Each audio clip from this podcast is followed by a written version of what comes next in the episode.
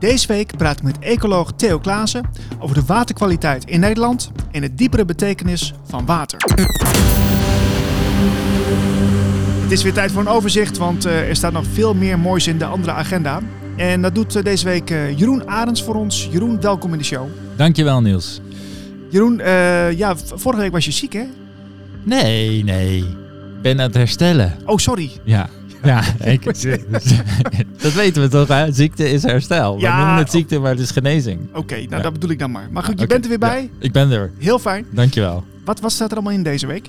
Ja, we hebben weer hartstikke leuke dingen natuurlijk. Zoals elke week doen we hartstikke ons best om uh, interessante, bewustmakende evenementen, lezingen, workshops uh, aan te prijzen. Ik, ik keer drie uit, zoals elke week uh, doen we dat natuurlijk. En ik, dan begin ik met een uh, lezing en meditatie over DNA. Ah. En vooral dan hoe je dat uh, zelf kunt beïnvloeden, je eigen DNA. Dat kan dus? Ja, als, als je bijvoorbeeld het boek The Biology of Belief van Dr. Bruce Lipton leest zeer wetenschappelijk, dan is dat ondertussen gewoon feitelijk bewezen dat dat kan. Je kunt je eigen genen, je eigen DNA aansturen en aan en uitzetten. Oeh, interessant zeg. Ja, heel boeiend. Uh, dat is in Bergen in Noord-Holland, 10 december. Het begint om twee uur s middags. Uh, ja, dus er zit een meditatie bij, want mediteren heeft heel veel positieve effecten op jouw DNA en de uiting daarvan, wat ook wel de epigenetica genoemd wordt. Dus uh, ja, uh, zeker ja. aan te raden. Mediteer je ook veel, Jeroen, of niet? Zeker, ja. Het liefst elke dag, lukt me niet altijd. Maar dat, uh, ik heb een ritme wat met kundalini yoga en meditatie begint, s ochtends. Ja, ja alright. Gaaf. Ja. Cool. Oké, okay, wat, wat hebben we nog meer staan? Ja, de volgende waar ik op in wil gaan is uh, wederom een lezing, maar ditmaal online. Dus daar hoef je niet voor te reizen. Oh, lekker. Je gewoon, makkelijk. ja, hè, we hebben nog geen lockdowns, maar ik kan gewoon heen. Altijd. ja, is heel handig. Uh, en dat gaat over, uh, ja, zoals het eigenlijk uh, de titel al zegt, circulair, circulair geld en ondernemen. En dat gaat, is vooral voor bewuste ondernemers, wordt er veel ingegaan op alle alternatieve lokale munten die er zijn tegenwoordig. Hè. De Florijn, de Watermunt, de Dam, het Arnhemse Hert. Je hebt er, je hebt er heel veel tegenwoordig. Um, en ja, je ziet dat toch nu ontstaan, hè? Die, die, alternatieve systemen, of het nu gaat om geld of parallele samenlevingachtige zaken, hè? communities, et cetera. Waar deze week ook de, de bartering erin staan, hè? Ja, ruilhandel is ook uh, iets wat nu heel erg opkomt natuurlijk. Uh, we, willen, we zien allemaal die euro uh, instorten en ja. dat gaat niet heel lang meer duren. Dus mensen zijn naarstig op zoek naar alternatieven daarvoor. Heel belangrijk, ja. ja dus de online uh, 12 december vanaf 4 uur s middags. Uh, evenementen ondersteuning uh, van uh, de duurzame transacties over de regionale grenzen heen. Het is vooral interessant voor duurzame en bewuste ondernemers. Oké, okay, oké. Okay. Ja. Komt dat zien? Precies. Nou, en dan heb ik als laatste ehm, wel een heel bijzonder iets. Dat is een stilte-retret, maar dan toch wel anders. dat wordt drie dagen in het donker genoemd. Oh, dat is wel heel uh, lang, donker. Ja, dat is een volledig verzorgd uh, ja, weekend. En dus uh, inclusief overnachting, ontbijt, lunch, diner. maar je gaat dus drie dagen in stilte, maar ook in het donker. Helemaal donker, met ja, een vaak, blinddoek. Dat, dat, dat ook vaak kinderen bang zijn in het donker. Was jij dat vroeger ook of niet? Ik was vroeger wel bang in het donker, zeker. Ja, klopt. Nu niet meer. Nee. Gelukkig. Maar dat ben ik lang wel geweest. Ja, ja goed. Uh, dat kan voor mensen nog wel eens doorwerken. Ik bedoel, ze zijn nu volwassen. Ik denk dat het voor, voor volwassenen is dit, hè? Ja, ja, ja. En uh, kijk, het is, uh, het is iets heel confronterends. Als je niet alleen in de stilte zit, maar als je ook je zicht kwijt bent, dan word je dus echt helemaal teruggeworpen op jezelf. En op je innerlijke wereld en je gedachten en je gevoelens en je emoties. En dat, dat, dat brengt heel veel teweeg. En ze, dit wordt begeleid door eh, Joyce Hellendoorn en Arjan Verschuur. Twee hele mooie mensen die al heel lang met mannen- en vrouwenwerk bezig zijn. En familieopstellingen en allerlei interessante, bewustmakende uh, zaken doen.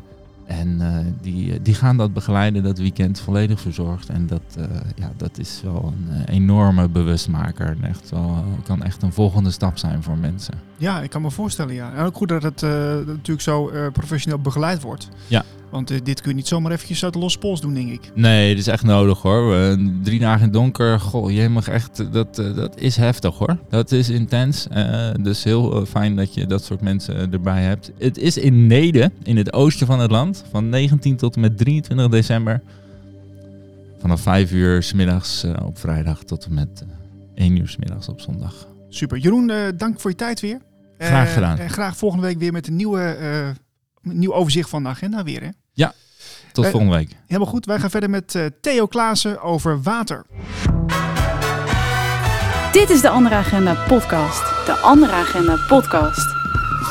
Het is de enige agenda die jou wel dient, de andere Agenda podcast. En vandaag praat ik met ecoloog Theo Klaassen over een zeer belangrijke substantie waar we allemaal mee te maken hebben, water.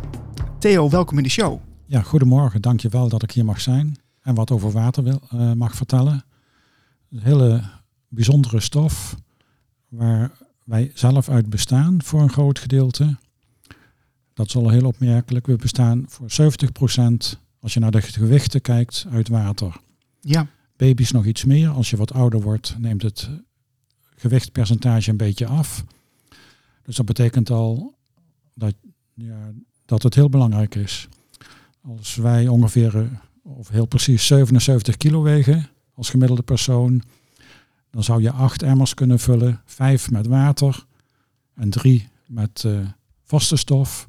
En dat is ongeveer eh, onze samenstelling. ja, Maar nog bijzonderder is als je naar het aantal moleculen kijkt. Wij bestaan uit miljarden en miljarden moleculen. En daarvan, als je die zou splitsen, dan heb je 99% watermoleculen en 1% voor de rest. Hemoglobine, vitamine, eiwitten, al wat je kunt bedenken, vetten. Dus daar ligt die verhouding extreem scheef. We zijn eigenlijk niet meer dan een kwal of een komkommer we bestaan bijna helemaal uit watermoleculen. ja, fascinerende wezens zijn we eigenlijk, hè Theo? Ja, zeker. En niet alleen wij zelf, maar alle, alle levende wezens bestaan zoveel uit water. Maar er is ook ontzettend veel water op aarde. Diezelfde 70 dat is ongeveer ook het oppervlakte, oppervlakte van de aarde bestaat ongeveer ook voor 70% uit water. Dat lijkt heel veel. Dat is ook heel veel, zeker vergeleken met eh, andere planeten. Het is extreem veel. Om daar meteen een, een frase aan toe te voegen. De hele ruimtevaart waar, en het motief van NASA om op zoek te gaan naar, naar leven elders. Het motief is follow the water. Volg het water. Dat is de, de drijfkracht van NASA om naar leven te sporen elders. Ja, maar dan ga je er ook vanuit dat, dat eh, het leven zoals wij dat eh, kennen, dat dat alleen maar mogelijk is met water, hè? Ja, daar gaan we vanuit. Ja. Dat is niet eh 100% zeker, maar de aanwijzingen daartoe die zijn wel sterk. Theo, jij bent aquatisch ecoloog, hè? Je bent eh, gepromoveerd op typologie en normstelling van oppervlaktewater in Friesland. En daar heb je volgens mij ook ongeveer, eh, nou niet je hele leven gewerkt, maar wel een groot deel. Ja, ik ben niet geboren en getogen in Friesland, maar na mijn studie biologie, met als specialisatie onder andere hydrobiologie, dus het leven in het water, heb ik wel werk gevonden in het noorden van het land en uiteindelijk in Friesland. En daar heb ik wel bijna 40 jaar gewerkt. Bij de provincie en bij het waterschap en nog heel kort bij Rijkswaterstaat. En als, als waterbioloog bij zo'n waterschap of provincie werd, werd ik, en dat was ook elders in Nederland, geconfronteerd met waterkwaliteitsonderzoek, wat toen startte. Het, het water in Nederland was hele lange tijd van slechte kwaliteit. Het werd ook ongezuiverd in het op, oppervlaktewater geloosd, zowel van huishoudens als van fabrieken. Ja. En soms ook in heel stedelijk gebied, dat daar papierfabrieken stonden, slachterijen, al, al wat je kunt bedenken aan fabrieken. En die loosden gewoon het, op, het afvalwater op het oppervlaktewater. Tot wanneer ging dat door, eh, eh, Theo? Dat is uiteindelijk doorgegaan in Nederland tot, zeker na de Tweede Wereldoorlog, tot 1960, 1970. Op heel veel plekken pas kwam er pas een waterzuivering na 1970. Want in 1970 kwam er een landelijke wet, de Wet van Reiniging Oppervlaktewateren, waar uiteindelijk meer dan 100 jaar over gebakkeleid is voordat die van kracht werd. Serieus? 100 jaar? Ja, In 18, 1875 werd al een staatscommissie opgericht die de ernstige waterverontreiniging in Nederland moest onderzoeken en, te- en oplossen. Maar niemand wilde dat serieus oppakken. Het Rijk niet, de provincies niet, de gemeente niet. Totdat het uiteindelijk zo erg was. Dus, er kwam nog cholera voor en, en eh, pest. Er was enorme vissterfte. Er waren problemen met de volksgezondheid. En het duurde tot 1970 voordat die wet van kracht werd. En die wet die gaf de provincies of de waterschappen die er toen al waren, dat waren waterschappen voor het peilbeheer, maar niet voor het waterkwaliteitsbeheer. Dat gaf die waterschappen en de provincies de mogelijkheid om geld te innen. De vervuiler betaalt, Mhm. was het motto en dat is eigenlijk nog steeds het motto. En met dat geld konden ze heel doelgericht zuiveringsinstallaties bouwen. Op veel, of, nou ja, op, op veel plekken startte dat pas na 1970. Er waren sommige gemeenten die hadden al voor 1970 een zuiveringsinstallatie op eigen initiatief gebouwd. Maar dat was een handjevol gemeenten. Maar is- op eigen initiatief is, is dat dan wel eh, kwalitatief eh, ja, te, te waarderen, zeg maar? Of- Zeker, zeker. Oké. En de techniek die men toen had, die was lang zo ver ontwikkeld niet als, niet als nu. Maar die gemeenten die al voor 1970 een zuiveringsinstallatie bouwden, die hebben dat wel met zo goed mogelijk gedaan. Ook ondersteund door een Rijksinstituut voor zuivering van afvalwater, wat toen nog bestond, die de gemeente daarbij eh, assisteerde. Ja. En ook vanaf 1970 zie je dat de waterschappen die zuiveringsinstallaties overnemen van de gemeente. Dus de gemeente is op dit moment in heel Nederland verantwoordelijk voor de riolering, voor het opvangen van het huishoudelijk en industrieel afvalwater. De waterschappen zijn verantwoordelijk voor de zuivering van het afvalwater. Ja, dus er is eigenlijk de, de vorige eeuw heel veel gebeurd Ja, omtrent ja, dit thema. ja. Eh, daar komen we zo meteen even nog op door. Maar ik wil even naar jou toe, eh, Theo. Want ehm, ja, je hebt, je hebt een mooi boek geschreven, Het Wezen van Water.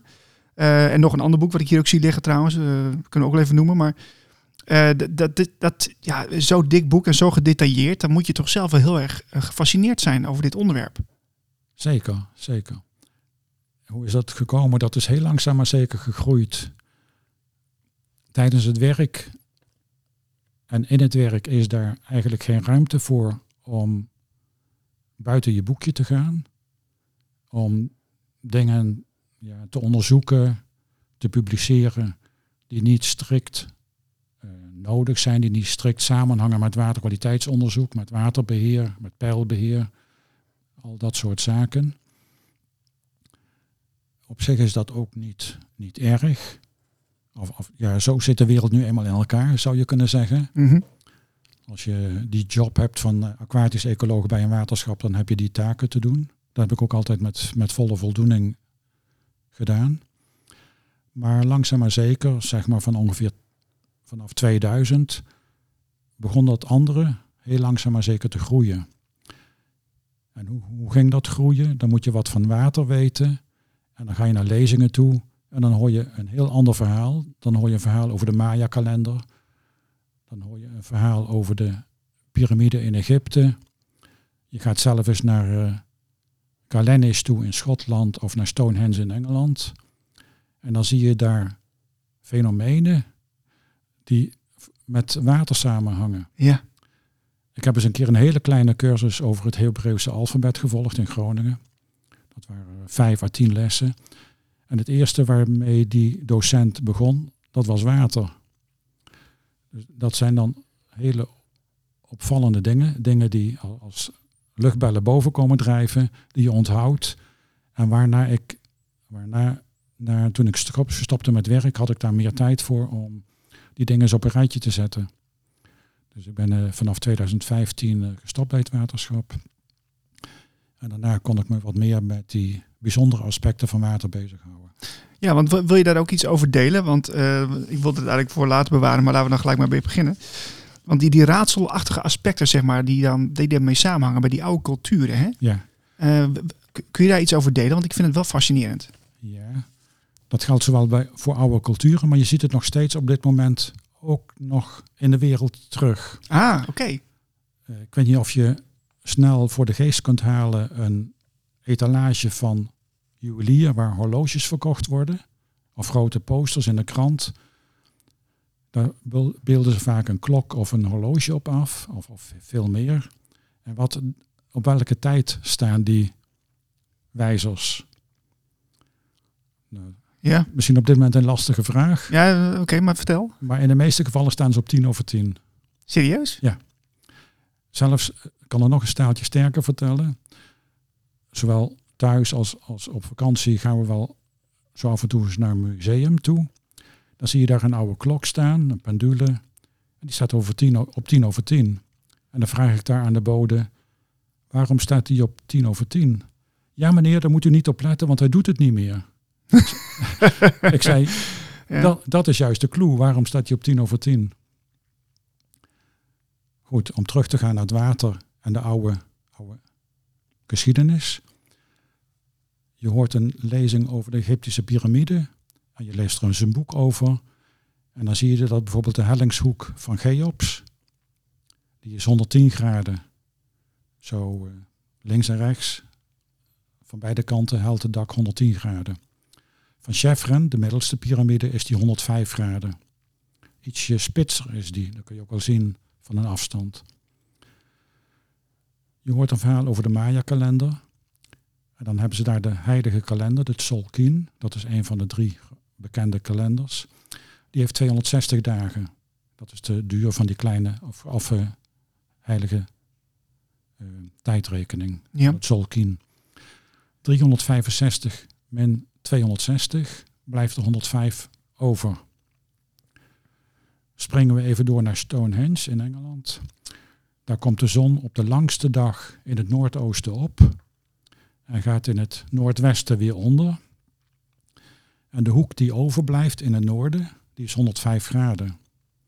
Stond Stonehenge noordelijker of zuidelijker, dan was die hoek anders geweest. Gaan we naar Callanish in Schotland. Daar is eenzelfde stenen cirkel, bijna gelijkende stenen cirkel van megalieten. Die is veel meer op de maan afgesteld. En nu heeft de maan een bepaalde hobbel van 18 jaar. Ja. En ook daar is de hoek die de waar, waarbij de maan opkomt op de langste en de kortste dag is, die overblijft is 105 graden. Oké. Dus zo pik ik overal 105 graden op. Mhm. Bij zaken die waarschijnlijk niks met water te maken hebben. Maar ik weet dat wat, wat, wat water is, dat is H2O. Ja. Dat zijn Dat is een scheikundige term daarvoor. scheikundige termen. Ja. Alle materie bestaat uit atomen, de kleinst deelbare eenheden in materiële opzicht. Hoewel ze tegenwoordig weer wat kleiner kunnen worden, maar het woord atoom betekent eigenlijk ondeelbaar. En heel veel stoffen zijn combinaties van atomen. Ja. Dus water is een combinatie van zuurstof en waterstof. Eén zuurstof, twee waterstoffen. Maar die twee waterstoffen die staan onder een bepaalde hoek gekoppeld aan water. Die staan niet in een lijn van 180 graden, Mhm. links en rechts. Die staan niet onder een hoek van 90 graden, maar die staan onder een hoek van 105 graden. Rara, waarom staan die onder een hoek van 5 graden? Ja, dat, dat is verklaarbaar. Dat is de samenstelling gewoon. Ja, dat Ja. is gewoon de, de fysieke constructie. Als je ze aan elkaar moet schroeven, dan staan ze 105 graden van elkaar. Maar dat, dat, dat zou dan ook eh, de werkelijkheid zeg maar kunnen ehm, beïnvloeden. Ja. Ja, dat zou dus zeker. Ja, dat heeft, heel, dat heeft heel veel implicaties. Daar kunnen we zo even op terugkomen. Maar het is gewoon op zich al merkwaardig om te constateren dat die hoek tussen die twee H-plusjes en het zuurstofatoom 105 graden is. En dat je die 105 graden ook op heel veel andere plekken terugvindt. Ja. Die waarschijnlijk dus niks met elkaar te maken hebben. Nu wil ik toch even... Ja, ja, we hadden het in het begin over die klok. Ja. Eh, kun je dat nog even uitleggen? Want dat, dat, dat, dat gaat, dat gaat even snel voor mij. Oké. Heel veel eh, reclame van horloges, van klokken. Daar zetten ze heel bewust de wijzers op tien over tien. Soms op tien voor drie, maar meestal op tien voor tien over tien.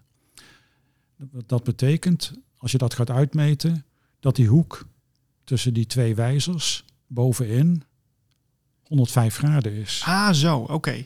Ja. Je ziet, we hebben zelfs eh, nou standbeelden gezien waar poppetjes staan. Die ze met de handen omhoog uitspreiden. Ga je het opmeten, dan staan die armen links en rechts onder een hoek van 105 graden. Niet altijd natuurlijk, Nee. maar we hebben wel dat soort beeldjes gefotografeerd. Dan meet ik die hoek op, komt er ongeveer 105 uit. Daar zit, een klein beetje variatie in. Maar jij zegt bewust hebben ze dat gedaan. En dan, ja, dan vraag ik... nou me- ja, bewust of onbewust. Het komt daarop neer dat, ze het, dat het zo uitpakt. Ja. In psychologisch opzicht is dat te verklaren, omdat dat een, een geometrisch eh, harmonische imprinting is. Het roept blijdschap op, het roept vreugde op, het roept tevredenheid op. Als je die wijzers op een klok in zeg maar tien voor half, nou, wat is het, eh, zes of zo, zeven, schuin naar beneden zo af, eh, neerzetten, dan is die hoek misschien beneden in ook 105 graden, Ja. links en rechts. Maar dat maakt een treurige indruk, Ja, een droevige indruk. Dus daar zit ja, een psychologische imprinting in. Die heeft ook een naam, dat noemen ze pareidolia. Die dingen afbeeldt die gunstig stemmen, gunstig lijken. Ja, maar het is toch eigenlijk een soort blauwdruk die je dan eh, neerzet. Ja, eh, ja. Eh, uit een, vanuit energetisch opzicht. Ja, ja, Ergens. Ja. ik denk het wel. Goh. Hebben we het gewoon Dus- over water, hè? Hier. Ja. Ja. En dan nog diezelfde hoek, maar dat is een heel ander aspect van water. Die zorgt ervoor dat dat energetisch een soort driezijdige piramide wordt. Want zuurstof is negatief geladen. Die waterstof, die haartjes, die zijn positief geladen. Je krijgt een, een, een, een, verdeling in, in, in lading binnen zo'n H2O-molecuul. Waarbij dat zuurstof wat negatief is, die twee H-plusjes positief. En dat uit zich in een driezijdige piramide. Waar twee hoekpunten negatief zijn, die dicht bij zuurstof zitten. Mhm. Twee andere hoekpunten die zijn positief. Die zitten bij waterstof. En deze polariteit binnen het molecuul, die verklaart heel veel van het gedrag van water. Want door die polariteit verdeeld is, positief en negatief, aan een en de andere kant, is het een ontzettend goed oplosmiddel. Heel veel stoffen die lossen heel goed in water op, omdat water zich als een mantel om die andere stoffen kan rangschikken. Dankzij die polariteit. Neem je bijvoorbeeld het chloride-ion, zout. Dat is negatief geladen, dus de H-plusjes die gaan rondom dat chloride zitten, wat positief is. De zuurstofjes gaan er verder van af liggen. En op die manier is eh, water een ontzettend goed oplosmiddel.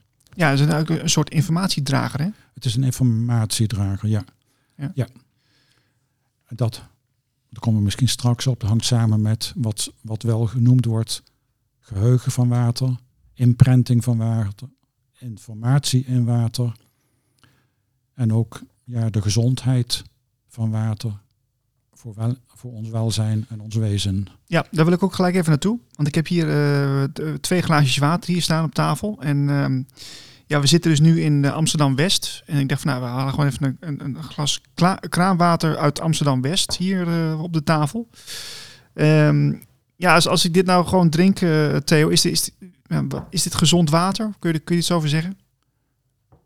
Ik kan er wat over zeggen, ja. het is, eh, ik- laat ik zo zeggen, het is voldoende schoon, voldoende betrouwbaar om het gewoon veilig te drinken. Dat is wel politiek correct. Is politiek correct ver- verwoord, maar er hangen heel veel zaken onder. Het drinkwater in Nederland is, ja, zou ik bijna willen stellen, super betrouwbaar. De waterleidingbedrijven, de tien waterleidingbedrijven in ons land doen er alles aan om het zo goed mogelijk af te leveren. Ik zou ook iedereen in Nederland aanraden om kraanwater te drinken in plaats van plastic flessenwater. Maar daar kunnen we straks nog even wat van zeggen. In fysisch-chemisch opzicht is het verantwoord, betrouwbaar en veilig om het te drinken. Dat wil niet zeggen dat er geen stoffen in zitten. Mhm. Er zit van alles in het water. Er zitten van nature Zit daar chloride, calcium, magnesium, natrium. Een heel rijtje stoffen in die ook goed zijn voor ons. Ja. Die hebben we ook nodig. Het kan vervuild zijn, maar door de zuiveringstechnieken die de waterleidingbedrijven toepassen, voldoet het water aan de normen die daarvoor gesteld zijn. Dus er zit altijd wel wat verontreiniging in, mag je aannemen, maar beneden de normen die daar landelijk voor gelden. Ja. De drinkwaternormen. De helft, nou, nee, 40% van het water in Nederland is van oorsprong van de rivieren. Ook hier in uh, Amsterdam en omstreken. Gaat wel eerst de, de duinen in, daar infiltreert het. Daarna wordt het weer opgepompt en gezuiverd. Dus die, dat zuiveringsproces, nadat het er van afgetapt is van de rivieren, die verblijftijd van het water is altijd nog wel drie, vier, vijf maanden. Dus dat is een behoorlijke tijd dat het de gelegenheid heeft om zich om te reinigen. Dus drie, vier maanden blijft het dan daar zitten Ja. en dan, dan gaat het weer verder. Infiltreert het en dan wordt het weer opgepompt uit diepere lagen in de duinen. Oké. En dan gaat het naar de zuivering en dan gaat het naar distributie, distributienet, in dit geval van waternet. Dan is het betrouwbaar. De 60% van Nederland, daar komt het grondwater, of da- daar komt, wordt grondwater gebruikt voor drinkwater, onder andere in Friesland.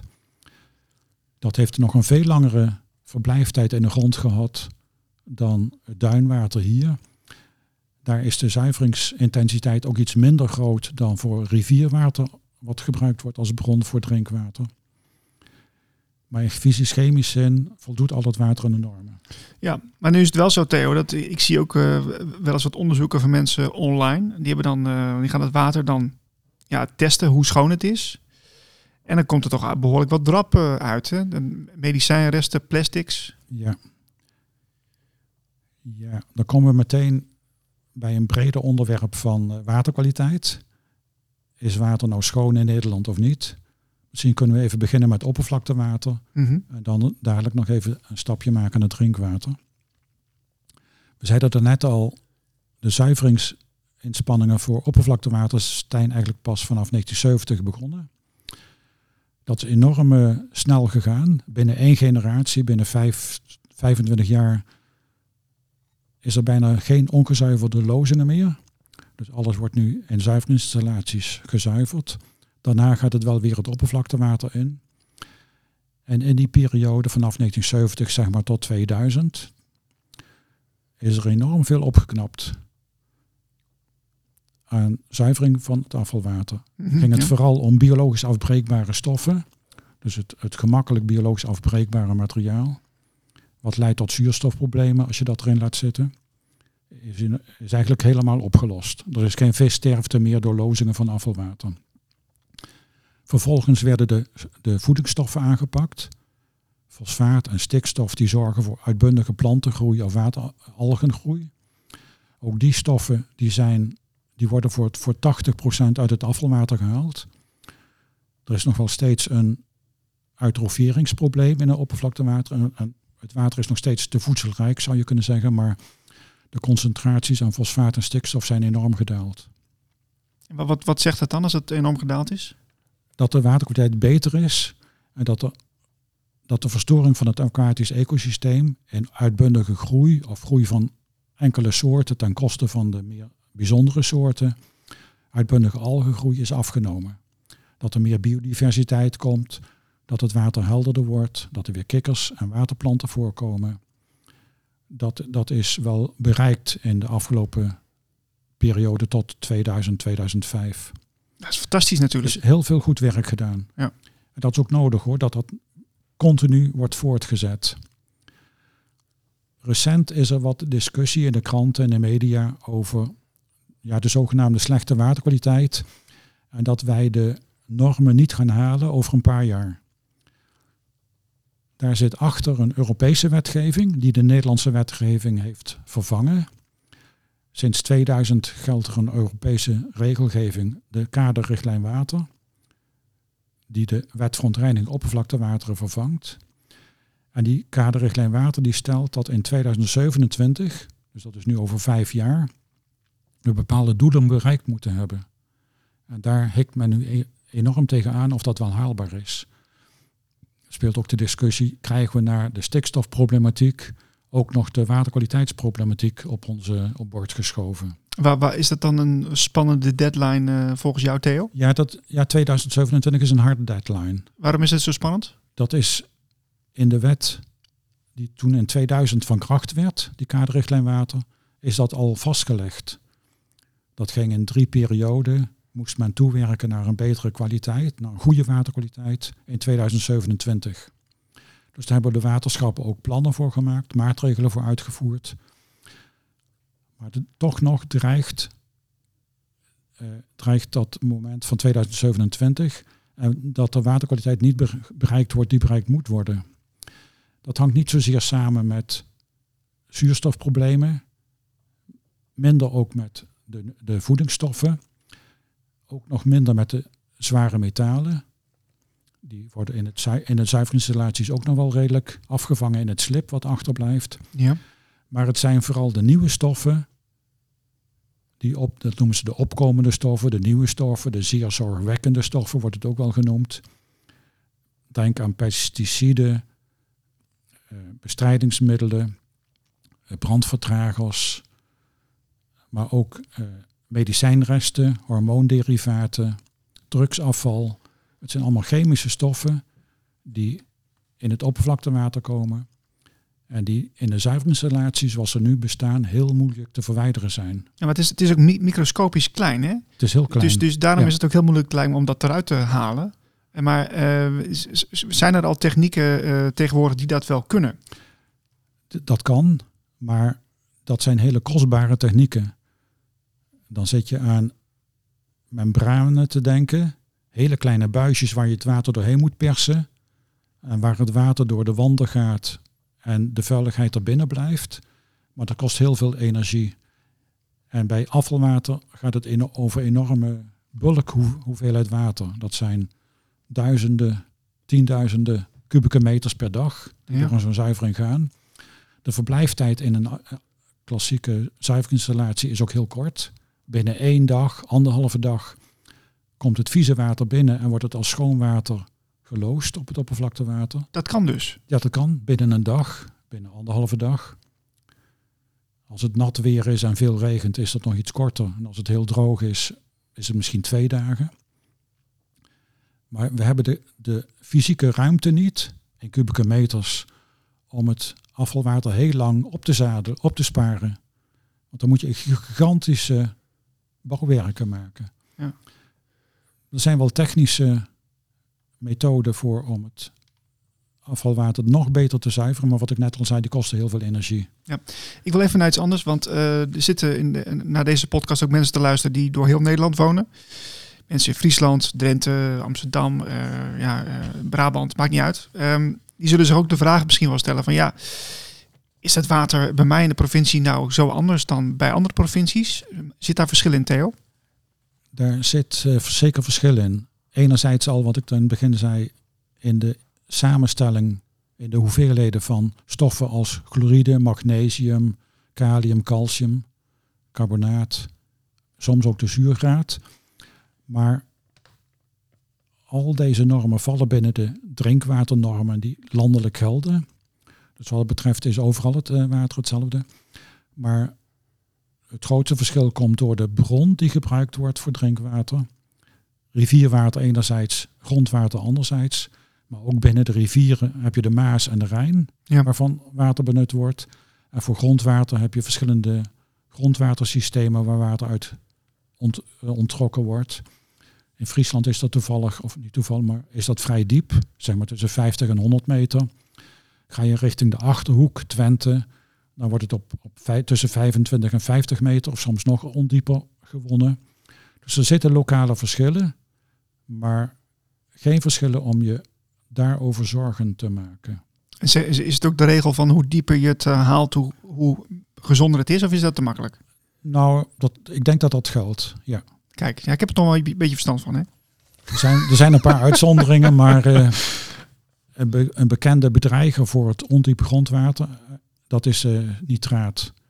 En dat, dat kan het ondiepe grondwater bereiken. Dus zeker in de Achterhoek, Twente, Trent hebben ze daar nou, problemen mee, maar daar moeten ze erop rekening mee houden dat ze die grondlagen, die waterlagen niet aanboren. Nee. Daar zullen ze wat dieper gaan. Ja. Je hebt eh, een boek geschreven, Het Wezen van Water, Verborgen Dimensies Ontsluierd. Uh, klinkt heel spannend. Uh, welke dimensies hebben we het eigenlijk over dan, Theo? Verborgen dimensies. Ja, kom op. maar goed, dat, dat is dat. dat ik, het klinkt een beetje als een, ja, een beetje, een beetje science fiction film. Of als er lagen zijn die we nog niet ontdekt hebben en Ja. die jij wel Ja. weet. Ja. Maak je mij nieuwsgierig. Goed. Water is heel belangrijk voor ons. We kunnen niet eh, een dag zonder, nou, een- misschien een dag zonder, maar, maar niet lang. Bij 1% watertekort krijgen we al dorst. Bij 5% watertekort dan, eh, dan worden we misselijk. En komt het boven de 10 à 12%, dan eh, leggen we het loodje. Dus eh, het is heel cruciaal om water te drinken. Die verborgen dimensies die zitten we hebben het net over kwaliteit gehad, met de, met de chemische stoffen die erin zitten. Ja. Maar er zit ook nog een, een andere dimensie aan water. We hebben het al even gehad over die piramidevorm van een waterstof, H2O. Die kunnen zich stapelen, maar die kunnen zich in heel veel vormen stapelen. En dat, dat geeft ook nog weer een extra aspect, een verborgen aspect aan water. En dat bepaalt mede ook onze gezondheid. Een opmerkelijk fenomeen is bijvoorbeeld als er vervuilingen zitten in het water, noem bijvoorbeeld een zwaar metaal als lood of zink, dan krijg je een watermantel om dat lood of zinkatoom. Dat is een bepaalde configuratie, constructie van watermoleculen net als Lego-steentjes zou je haast kunnen zeggen. Haal je dat lood of dat zink eruit, dan blijft die constructie van Lego-steentjes nog in functie. Een soort geraamte zou je Een kunnen soort geraamte, een soort karkas. Ja. En mocht je dat water drinken, dan ervaart het lichaam dat water alsof dat lood of het zink er nog in zit, terwijl het er fysiek uitgehaald is. Dus je wordt eigenlijk voor de gek Je gehouden. wordt een beetje voor de gek gehouden. Dat betekent dat je, wil je het water op die manier schoonmaken, zou je het moeten resetten. Zou je die, die matrix, die mantel, dat, die Lego-steenbouw eruit moeten halen en dan moeten afbreken. En dat is iets nieuws. Daar hangt het vitaliseren van water samen. Als je gaat googlen op vitaal water of vitaliseren van water, dan vind je honderden sites die daar wat over zeggen. En vooral apparatuur verkopen om het water te vitaliseren. Lange tijd werd gedacht dat dat vitaliseren samenhing of gekoppeld was aan die fysieke bouwconstructie van zo'n Lego-opbouw of van zo'n karkas.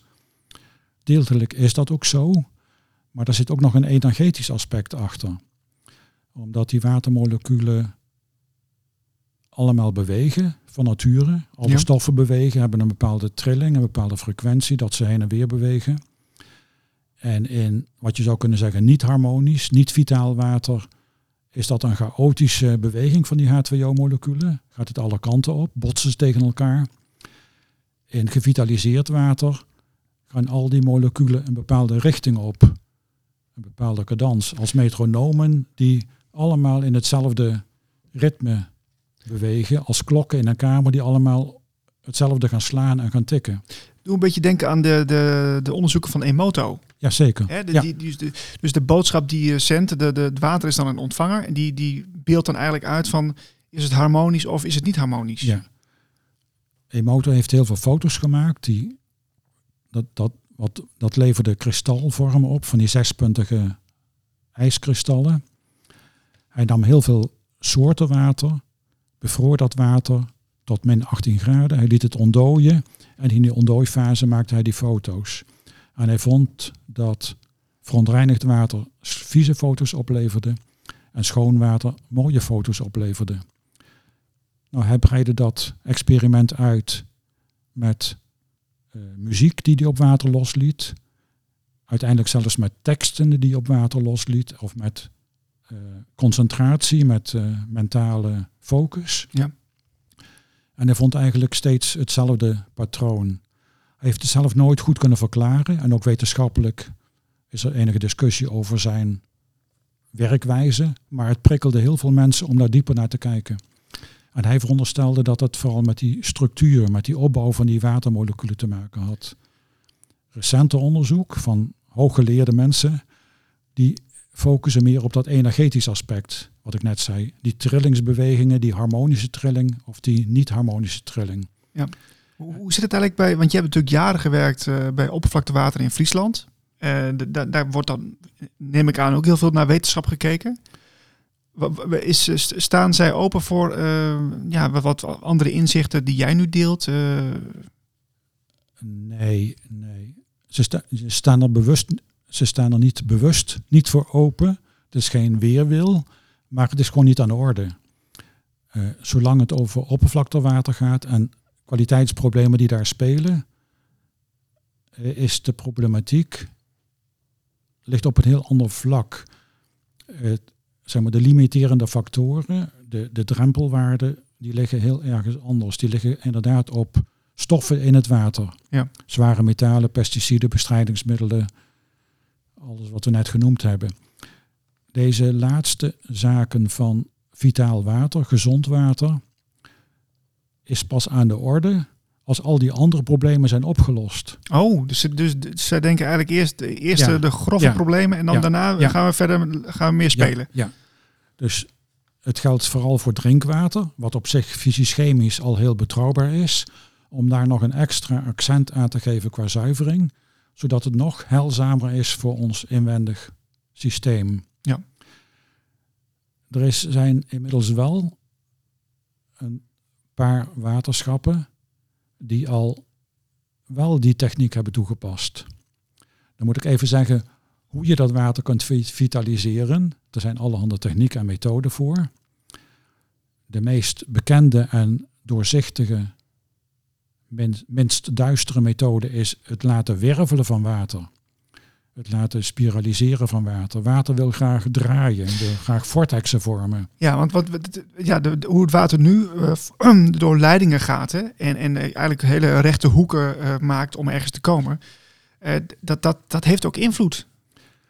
Mogelijk wel. Er zijn geen harde bewijzen voor. Er zijn eerder harde bewijzen voor het omgekeerde. Ja. Daar kom ik zo even op terug. Een van de bekende manieren om water te vitaliseren is het wervelen. En dat kan in zogenaamde flowforms. Dat zijn grote schalen waar het water een, een klotsende lemniscaatbeweging maakt. En daar dan uitstroomt van bovenaf erin, van onderaf eruit. En er zijn in elk geval nu al twee waterschappen die hebben op grote schaal, na de technische zuivering van rioolwater, zo'n flowform systeem aangelegd. Wat, wat, voegt dat dan toe, eh, Theo? Nou, dat, dat het water fysisch-chemisch eerst gereinigd wordt. Ja. En voordat het dan in het oppervlaktewater wordt geloosd, dat het nog een boost krijgt in de zin van die energetische potentie die verbeterd wordt. Door die flowforms en dat lemniscaat bewegen, krijgt het water een soort ritme dat het gereset wordt op moleculair niveau. In die vloeibare kristalstructuur, zodat die herinnering aan vervuiling verdwijnt. Ah, kijk. En daardoor beter past in het oppervlaktewater. En dat de vissen en de waterplanten daar happier mee zijn. Dat, gebeurt al op twee plekken in Nederland, zeg Ja, jij? ja. Ah, wat goed zeg. In Soerendonk en eh, in Gelderland tegen de Duitse grens aan bij een zuivering. Gaaf. Th- Theo, jij geeft ook lezingen over water. Eh, Ja. Binnenkort sta je in Zijen, zeg ik uit mijn hoofd, 14 Ja. december. Ja. Vanaf half acht tot kwart over tien eh, ben jij daar eh, zeg maar, eh, met de lezing. Wa- welke aspecten belicht jij daar? Ik heb daar een presentatie voorbereid waarbij ik zeven items aanstip. En dat zijn, is het water op aarde? Waarom is er zoveel water op aarde? En waarom blijft dat hier? Het water was er al veel eerder dan de mens. Het water was er al eerder dan de aarde er was. Ah, oké. In de hele evolutie na de Big Bang, wat het ook geweest mag zijn, zou je kunnen zeggen, 14,5 miljard jaar geleden. Zo'n miljard jaar later ontstond er in het heelal al water. Dus toen ons, ons zonnestelsel ontstond, 4 miljard jaar geleden, 4,5 miljard jaar geleden, toen was er in het universum al water. Dus heb je het over eh, renewable sources, over, eh, hoe noemen ze dat tegenwoordig, Eh, die economie die, die maar rondgaat. Oh, circulaire eh, Circulair? Ja, ja. Dan is water het meest circulair wat je kunt bedenken. Ja. De dinosaurussen hebben hetzelfde water gedronken wat wij drinken. Dat is, echt, dat is puur circulair. ja, zeker. Dus het water op de aarde en ook de, de plek van aarde in ons zonnestelsel, dat is allemaal zo samenhangend, perfect, op het scherpst van de snede. Dat is onvoorstelbaar secuur allemaal. Dan een stukje over water en de mens. De kwaliteit van water die we drinken, het belang van water. Dan over waterkwaliteit, meer het oppervlaktewater. Dan een belangrijk onderwerp over wat technisch heet anomalieën moeilijk woord, maar het betekent het afwijkend gedrag van een stof ten opzichte van wat gemeenschappelijk eh, aanvaar- eh, te verwachten zou zijn. Oké. En het watermolecuul, H2O, is in fysisch-chemisch opzicht, kent het alleen maar anomalieën, kent het alleen maar afwijkend gedrag. Ook dat is iets, waarom is dat zo? Om één voorbeeld te noemen, vergelijkbaar met andere stoffen die heel dicht op H2O lijken. Dus NH3, CH4.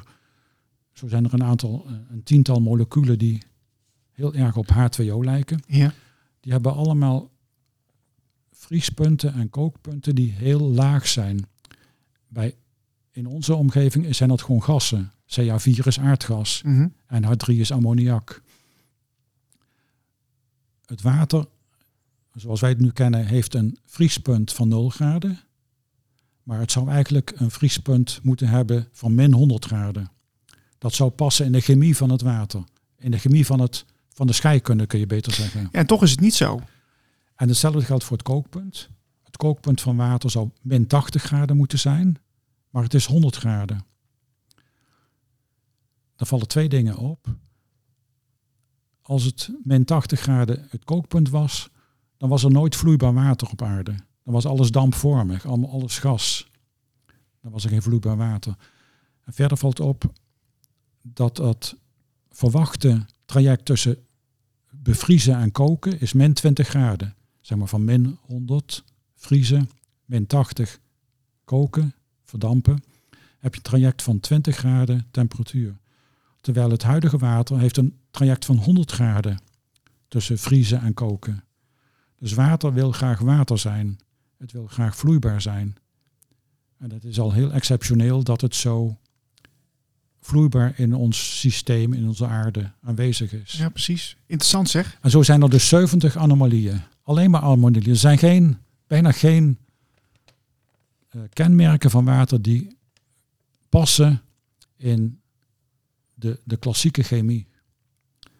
Dus dat is een anomalie, is een onderwerp. Dan, waar we het net over hadden, over dat vitaal water en vitaliseren. Mhm. Dat daar een structuur en een energetisch aspect aan zit. Die samenhangt met de opbouw van macromoleculen en met de trilling en de energie van het water. Dan de, de hele wijsheidsstromen, de gnostiek, de esoterie, de religies, de scheppingsverhalen, de inwijdingsverhalen. Allemaal kennen ze water.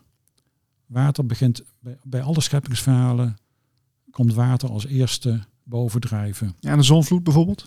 De zondvloed Ja. speelt daar ook mee als een soort archetypische imprinting.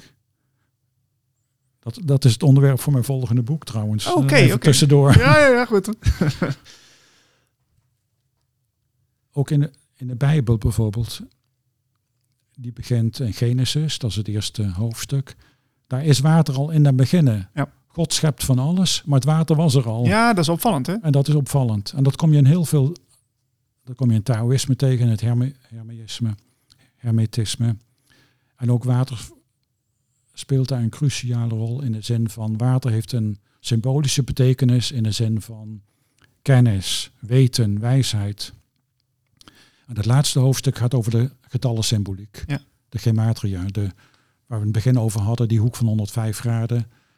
Zo is er ook nog een getal 40 en een getal 81. Daar wil ik, je ja, daar wil ik je vaker over spreken, Theo, over dit onderwerp. Dit is Ja. heel, eh, heel, heel belangrijk en heel interessant. Ehm, even tot slot, de, de luisteraars die zitten natuurlijk ook eh, aandachtig te luisteren naar deze podcast. En die denken misschien van ja, oké, maar hoe kan ik nou zelf, ehm, ja, hoe, hoe zou je mensen adviseren om bewuster om te gaan met water? Een lastige vraag. Ja, Of een hele algemene vraag. Enerzijds eh, zorg dat het niet vervuild wordt. Bijvoorbeeld die medicijnresten, hormoonderivaten, bestrijdingsmiddelen. Zorg dat het niet in het water komt, want dan hoeft er ook niet uitgehaald te worden. Maar ook de waterkwantiteit. Verhard niet je hele tuin, maar laat het water infiltreren. Nederland die had altijd een overvloed aan water voor drinkwaterbereiding. Terwijl de laatste paar jaar gaan de waterleidingmaatschappij piepen van dat ze soms watertekort hebben. Er komen steeds meer mensen, er komen steeds meer huizen, steeds meer aansluitingen van leidingwater. Langzaam maar zeker wordt de kwantiteit, de, beschikbaarheid een probleem voor drinkwater. Dus wees daar ook zuinig op. En aan de andere kant meer het emotionele, het respect voor water. Sta daar eens bij langer bij stil dat het zo bijzondere stof is. Zeg maar de scheppingscode, of, of het ontstaan van het leven, zou je kunnen zeggen, is, die kent een scheppingscode. Bij de oerknal is niet alleen maar de materie ontstaan. Daarnaast zijn ook de natuurwetten ontstaan van zwaartekracht. In feite wat een proton of wat, hoe die stoffen moeten zijn ontstaan. Maar er is ook een soort ja, levende component moet daarbij zijn ontstaan. Dus die, bij het ontstaan van het leven is een soort scheppingscode die de hele evolutie eh, voorschrijft, voorspelt, een, een draaiboek geeft. En waarschijnlijk in dat watermolecuul zit een soort verborgen code, een verborgen scheppingscode, waarbij water die belangrijke rol speelt om die schepping en evolutie en ontwikkeling mee vorm te geven. Dat is voor mij steeds duidelijker, omdat dat water zo overal in terugkomt. Dat water die rol heeft toebedeeld gekregen. mooi afsluiten, Theo. Dankjewel. 14 december sta je in eh Zijen eh, om half acht en ik wens je heel veel succes. Dankjewel. Oké, Ja. De Andere Agenda podcast. We gaan het zelf doen. We gaan het lekker zelf doen. Volgende week zijn we weer met een nieuwe editie van de Andere Agenda podcast. En wil je nou ook in de krant met aandacht voor jouw workshop, lezing of initiatief? Meld je dan aan via agenda.deanderekrant.nl en volg ons ook op Twitter, Instagram en Facebook. Tot volgende week. Wil je meer van de andere krant? Kijk op anderekrant.nl. Kijk op deanderekrant.nl.